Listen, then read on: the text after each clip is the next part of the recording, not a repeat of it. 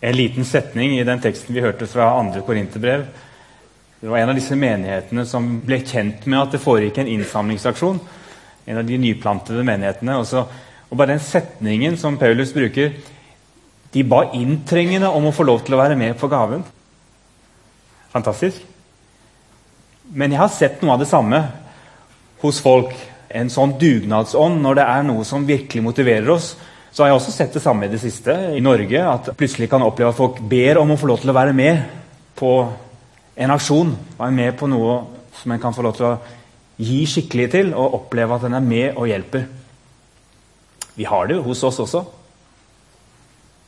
Paulus han tar for seg disse menighetene som han har plantet. Og så er det en helt spesiell situasjon vi han har foran seg i Jerusalem. Vi vet ikke helt, men antageligvis så har den gamle menigheten i Jerusalem, de som startet det hele, de har opplevd både forfølgelse og antageligvis også hungersnød.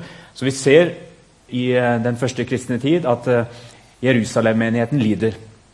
Og Derfor så må de nye menighetene rundt om i Asia være med på en kontinuerlig innsamlingsaksjon til de hellige i Jerusalem.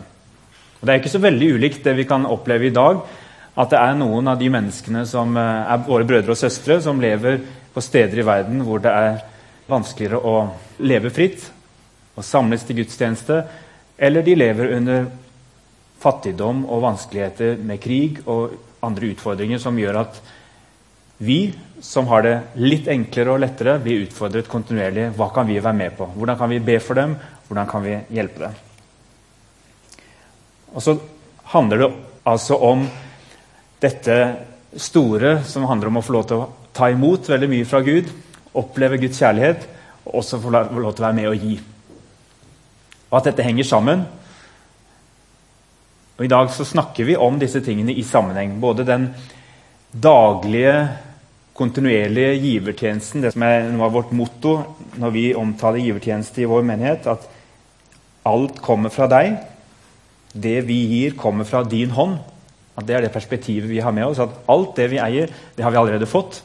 Og når vi gir noe, så gir vi det dypest sett fra Guds egen hånd.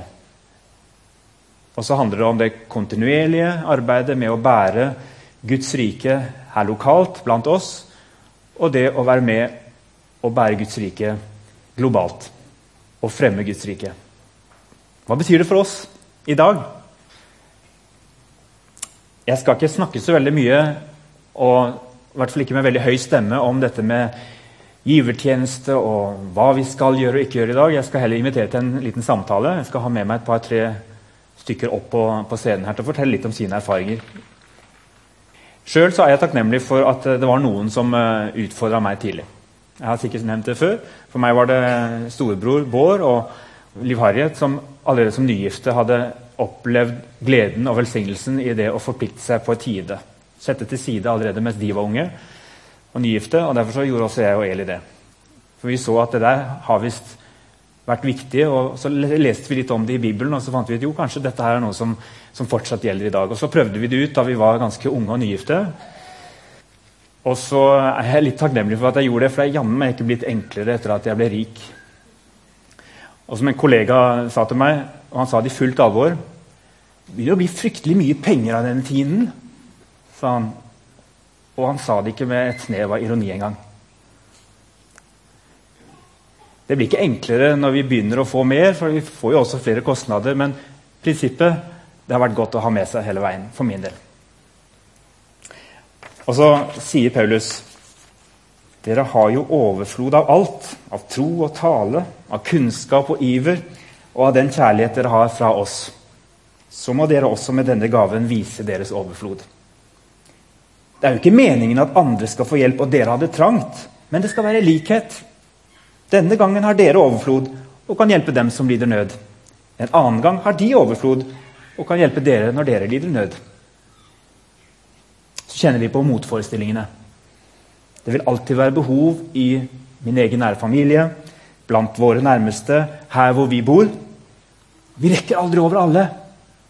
Hvordan kan det forventes at vi i tillegg skal gi tiende til Guds rike og ta oss av mennesker langt borte? Og Spørsmålet er mer aktuelt enn noen gang. i disse dager. Arbeidsledigheten er på vei oppover i Norge. Og Samtidig så tvinger krigshandlinger i Midtøsten mennesker på flukt mot Europa. Hvor mange kan vi klare å ta imot i Norge? Her i Sandnes? Hva vil det koste oss i vår velferdsstat? Er det riktig at vi har overflod? Eller har vi store utfordringer også blant våre egne? Kan vi hjelpe? Hvor mye kan vi hjelpe? Jeg tror ikke det finnes noen fasitsvar. Men vi bærer med oss noen rike løfter i Guds ord om at vi skal ha tilstrekkelig, at Gud skal velsigne oss, at vi skal aldri gi mye mer enn det vi skal kunne oppleve at det er slik at vi også kan ha til oss selv. Og Der tror jeg det ligger noe veldig verdifullt i tanken om tiende som en, som en basis. og Derfor fortsetter vi å snakke litt om det.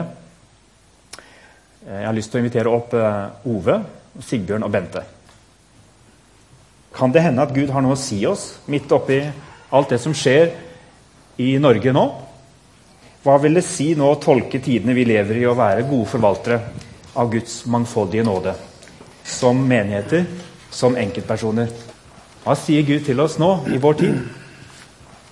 Ove, du eh, har vært med i menigheten nesten siden starten. Og Allerede fra starten av så, så, snakket man om at givertjeneste og tiende det skulle være et bærende prinsipp i Vi-menigheten Sandnes. Fordi denne menigheten ville ikke få så veldig mye støtte utenfra. Så skulle det bli noe, så var det vi som måtte bære det. Og Du gikk og grunna en del på dette her. Snakka en del med din kone og leste. Du liker å reflektere og vil ha litt sånn grunnlag for det du gjør når du skal ta store valg i livet. Fortell litt om eh, en episode som eh, ble viktig for deg i hele din tenkning rundt givertjeneste. Ja, det er mange år siden. Vi var på ferie på ei strand i Italia. Og eh, for at det skal bli kjekt for meg, så må jeg ha med bøker. Jeg hadde to bøker med nede på stranda. Og eh, så har vi det også sånn at når vi reiser på tur, så leser vi gjerne for hverandre høyt. Eller de deler i alle fall det som vi leser. Og jeg tok den første boka, og det var ei skikkelig kristelig bok. Som handla om masse om givertjeneste. Og penger og hva vi hadde fått, og hvordan vi skulle dele, og prinsippene der. Og jeg delte den med Karen, som lå og solte seg, sånn som alltid gjorde. Og Så ble det nok litt mye og litt intenst, hele greia. Så etter ei stund så, så, sa hun Du, Ove, kan ikke du, kan ikke du legge den vekk og så ta ei annen bok? Jo da, som, som den snille mannen jeg er, så gjorde jeg det. Så tok jeg opp den andre boka, og det var ei pur verdslig bok. Det var Den gang jeg var ung og fremadstormende, så var jeg med i en bokklubb som het Ledelse. Og dette var da ei bok om å lede firma eller å vokse i business og, og få til ting og sånn. Så da begynte jeg å lese i den istedenfor. Mm. Og så ble jeg ganske overgitt. For ute i den boka så kom det plutselig et kapittel om å gi 10% av det som du tjente i firmaet. tenkte jeg, Wow, hva er dette for noe? Dette var jo ikke en kristen bok, som sagt. Og så leste jeg ned igjennom. Jo, det var sunt og godt hvis du skulle ikke bli bonden av pengene, og de ikke skulle få makt over deg. Så skulle du rett og slett gi 10% av det som du tjente på dette firmaet. Det skulle du bare gi vekk. Og dette delte jeg jo da med Karen, og vi ble litt overgitte begge to. For jeg hadde jo forlatt det temaet på en måte, og så pang, der var det igjen.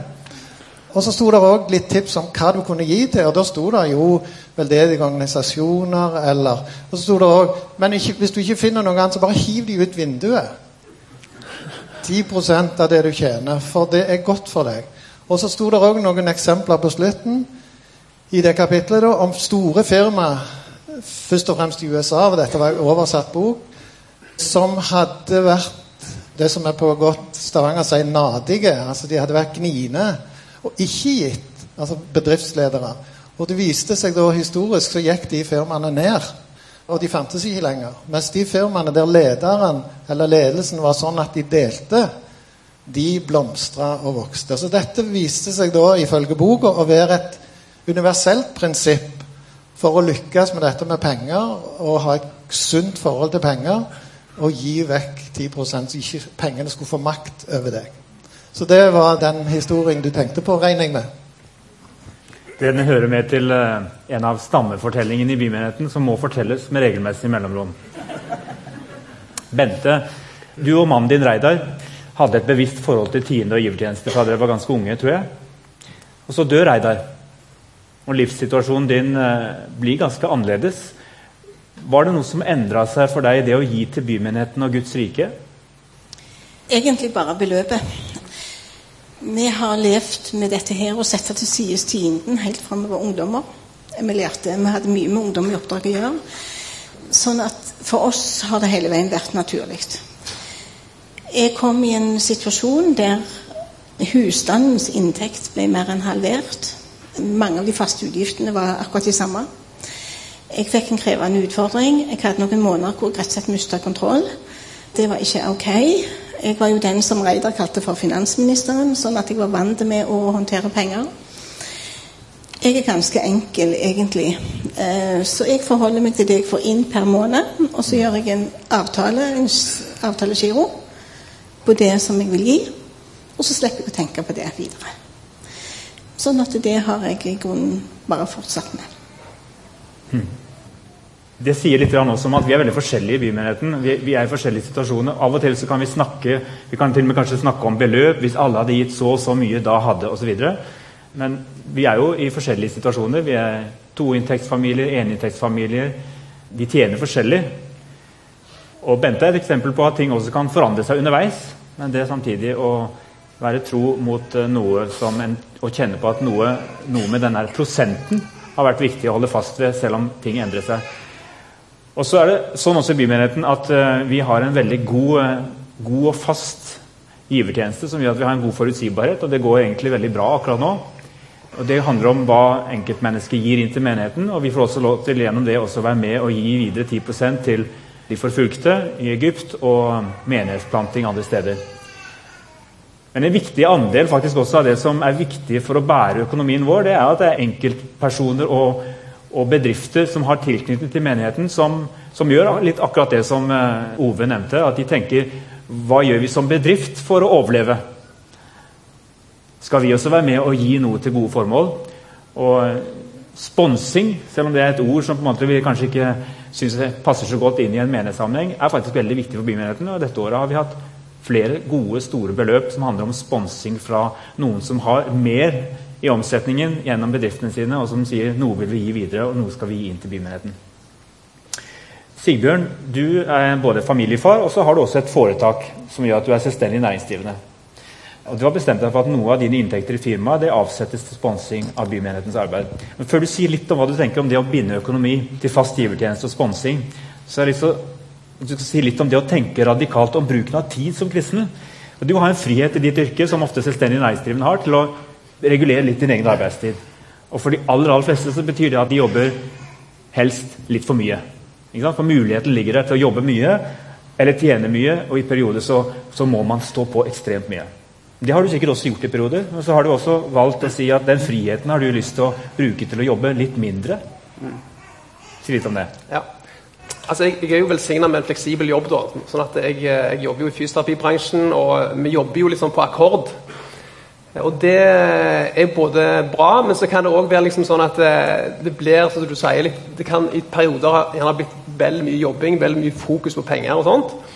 Og, og, og penger er jo en ganske hard slavedriver hvis det på en måte er liksom målet hele veien å ha fokus på de tingene der. Så been there, done that, got a T-shirt. Har liksom gjort de der tingene der. Men, men, så har jeg liksom bestemt meg for liksom å styre det her litt mer sjøl. Sånn at eh, jeg har tatt eh, Jeg har en fridag i uka som jeg har litt faglig utvikling. Og så har jeg en halv dag i uka der jeg har eh, tid med Gud. Litt sånn bønn og faste. Henge med Gud, rett og slett. Og det har vært helt fantastisk å kunne ha gjort det. Og det er liksom litt for å, å si til meg sjøl at eh, nei, det er ikke pengene som skal styre meg. Det er Gud som jeg skal ha min tillit til. Han er min forsørger.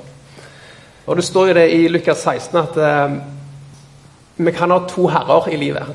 To sjefer. Og da er det jo snakk om penger og Gud. Og Det er jo interessant da at, eh, at, penger faktisk har potensial til å bli en herre i livet vårt, til å bli en sjef i livet vårt. Eh, men det er da jeg tenker at eh, nei, jeg vil liksom vise for meg selv at Gud er den som jeg vil ha tillit til. Han er den som skal være min sjef, min herre. Og dermed så har jeg funnet at den beste måten å bevise det for meg selv for, det er å gi fra meg den andre herren. Slippe tak i, i penger som kanskje vil stjele fokuset, kontrollere, forføre en til å liksom, ja, ha fokus på det. da. Så rett og slett eh, Nei, jeg vil at Gud skal være sjefen, og dermed så er det godt å gi fra seg det, det som vil bli den andre sjefen. Vil du si noe om, om givertjeneste ellers, og, og hvordan du har, hva slags erfaringer du har gjort i forhold til det? Ja, jeg, eh, jeg, hørte mye god undervisning på det her da jeg var student i England. og, og jeg, tror det, jeg, tror kanskje det er litt av nøkkelen. Vi trenger gjerne mer undervisning på det her greiene her. For det er en veldig stor velsignelse å gi. Og jeg merker at eh, sånn som du nevnte, det var godt å begynne å gi tidlig mens du var student. Og, og så var det bare å ta det med inn i jobb og, og videre. Så jeg har alltid kjent at uh, det har vært en velsignelse å gi. Men det velsign, altså jeg gir ikke for å bli mer velsigna. Men det som gjør at jeg blir mer velsigna, er at jeg har tillit til at Gud faktisk velsigner meg. Og han har velsigna meg. Han har velsigna meg med all åndelig velsignelse i himmelen. Og det er liksom, den tilliten til det, det er det som velsigner meg tilbake. Hva tenker dere om eh, dette som jeg nevnte litt innledningsvis? De behovene som ligger utenfor selve menigheten. Hva betyr det i praksis at bymenigheten skal være en raus menighet i så måte, i Sandnes forhold til misjon? Um, jeg syns det er veldig godt at vi som menighet um, velger å gi vekk deler av det vi får. Og jeg tenker òg at den utfordringen vi står overfor, at vi kan gi av oss sjøl, vi kan bidra Det er jo et ordtak som sier at vi kan ikke hjelpe alle, men alle kan hjelpe noen. Og sjøl har jeg òg vært med å hjelpe flyktninger sist, altså forrige store periode på 90-tallet, når det kom kirkeasylanter. Og ser hva det gjorde med vår familie, med å gå inn som familie og hjelpe. Hva det gjorde med den lokale menigheten jeg var del av da. Så jeg tror at hvis vi som menighet går inn på noe kalt veldedighet, eller ta imot flyktninger som kommer og, og bidrar med på de punktene og det, med det vi kan bidra med, så tror jeg at det, dette vil slå positivt tilbake igjen på oss. Jeg ser hva slags glede det kan være i å gå i en raus menighet. Jeg husker f.eks. når familiekirka starta opp, så fikk de en stor gave av bymenigheten som sånn oppstartspenger, fordi vi hadde midler og ønsket å være raus. Og det som det betydde for de, og det som de har Altså Det forholdet vi har fått til familiekirka, selvfølgelig etterpå pga. mange ting, og menneskelige forhold og felles kontor og sånn, men, men, den starten der, at de fikk en hilsen fra oss, det satte de enorm pris på. Så pengene kan brukes til gode ting og gi varige verdier, altså.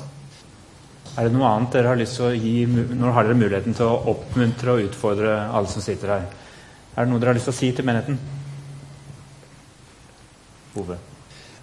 I disse nådegaventestene som vi har hatt, så har jeg fått utslag på givertjeneste. Og kona mi har fått utslag på frivillig fattigdom.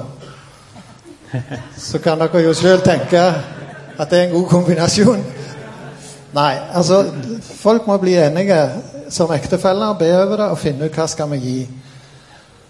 Og så har jeg den erfaringen at når en gir, så Altså det, det er ingen gang jeg føler jeg har så god økonomi og så kontroll på økonomien som da når jeg gir skikkelig. Det er en slags hemmelig lov her i Guds rike, tror jeg, som, eh, som du oppdager etter du har begynt å gi. Ja. Jeg tror jeg bare vil nevne det du var litt inne på tidlig, Vidar. At eh, faktisk er det jo sånn at eh, Gud er jo den som eier alt. Altså, alt, altså Jorden og alt som fyller den, hører Gud til og så gir vi tilbake av det han har gitt oss. Og Det er liksom litt av hele fokuset. for Hvis vi tenker det er våre penger, da er det mye vanskeligere å gi slipp på dem. Men hvis vi faktisk tenker det er Guds penger, og vi er forvaltere, vi kan bruke dem på oss sjøl, men vi kan òg bruke dem til å gi tilbake til Guds rike. og se og kanskje treffe noen i himmelen en gang som bare sa takk for at du var med og ga, sånn at eh, jeg fikk høre evangeliet. Jeg fikk høre om Jesus. Og jeg tror egentlig ikke det er grenser for hva som kan skje hvis vi kommer inn i det her med givertjeneste og, og fokuserer på det. Da tror jeg det som, eh, både som menighet, men òg for Guds rike, så finnes det ingen grenser. Gud har sagt til oss 90% av det du har, får du beholde og bruke akkurat som du vil sjøl. Bare 10 har jeg lyst til å ha tilbake. Jeg nevnte noen forbilder som jeg har hatt i, i, mitt eget liv. Og mine andre forbilder har vært noen av de aller fattigste i, i Brasil. Noen av de som eh, kjente at dette prinsippet det måtte de ha selv om de hadde lite. Vi lever jo i et land der eh, vi bruker et begrep som oljeeventyret for å snakke om mye av det vi har fått lov til å være med på å oppleve gjennom de siste årene.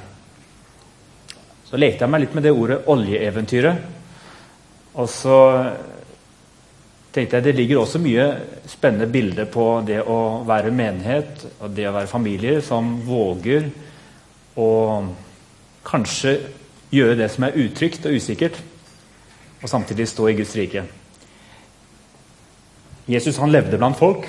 Noen av de mektigste fortellingene foregikk på sjøen sammen med fiskere. Mange av lignelsene hans var fra datidens landbruk. Hvis han skulle fortelle en lignelse til folket i Rogaland Kanskje han hadde fortalt et annerledes oljeeventyr?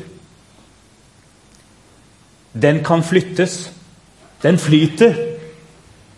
Samtidig er den bunnsolid, sa han henrykt. Jeg tror vi skal være her en stund. En god plattform å stå på. Bunnsolid.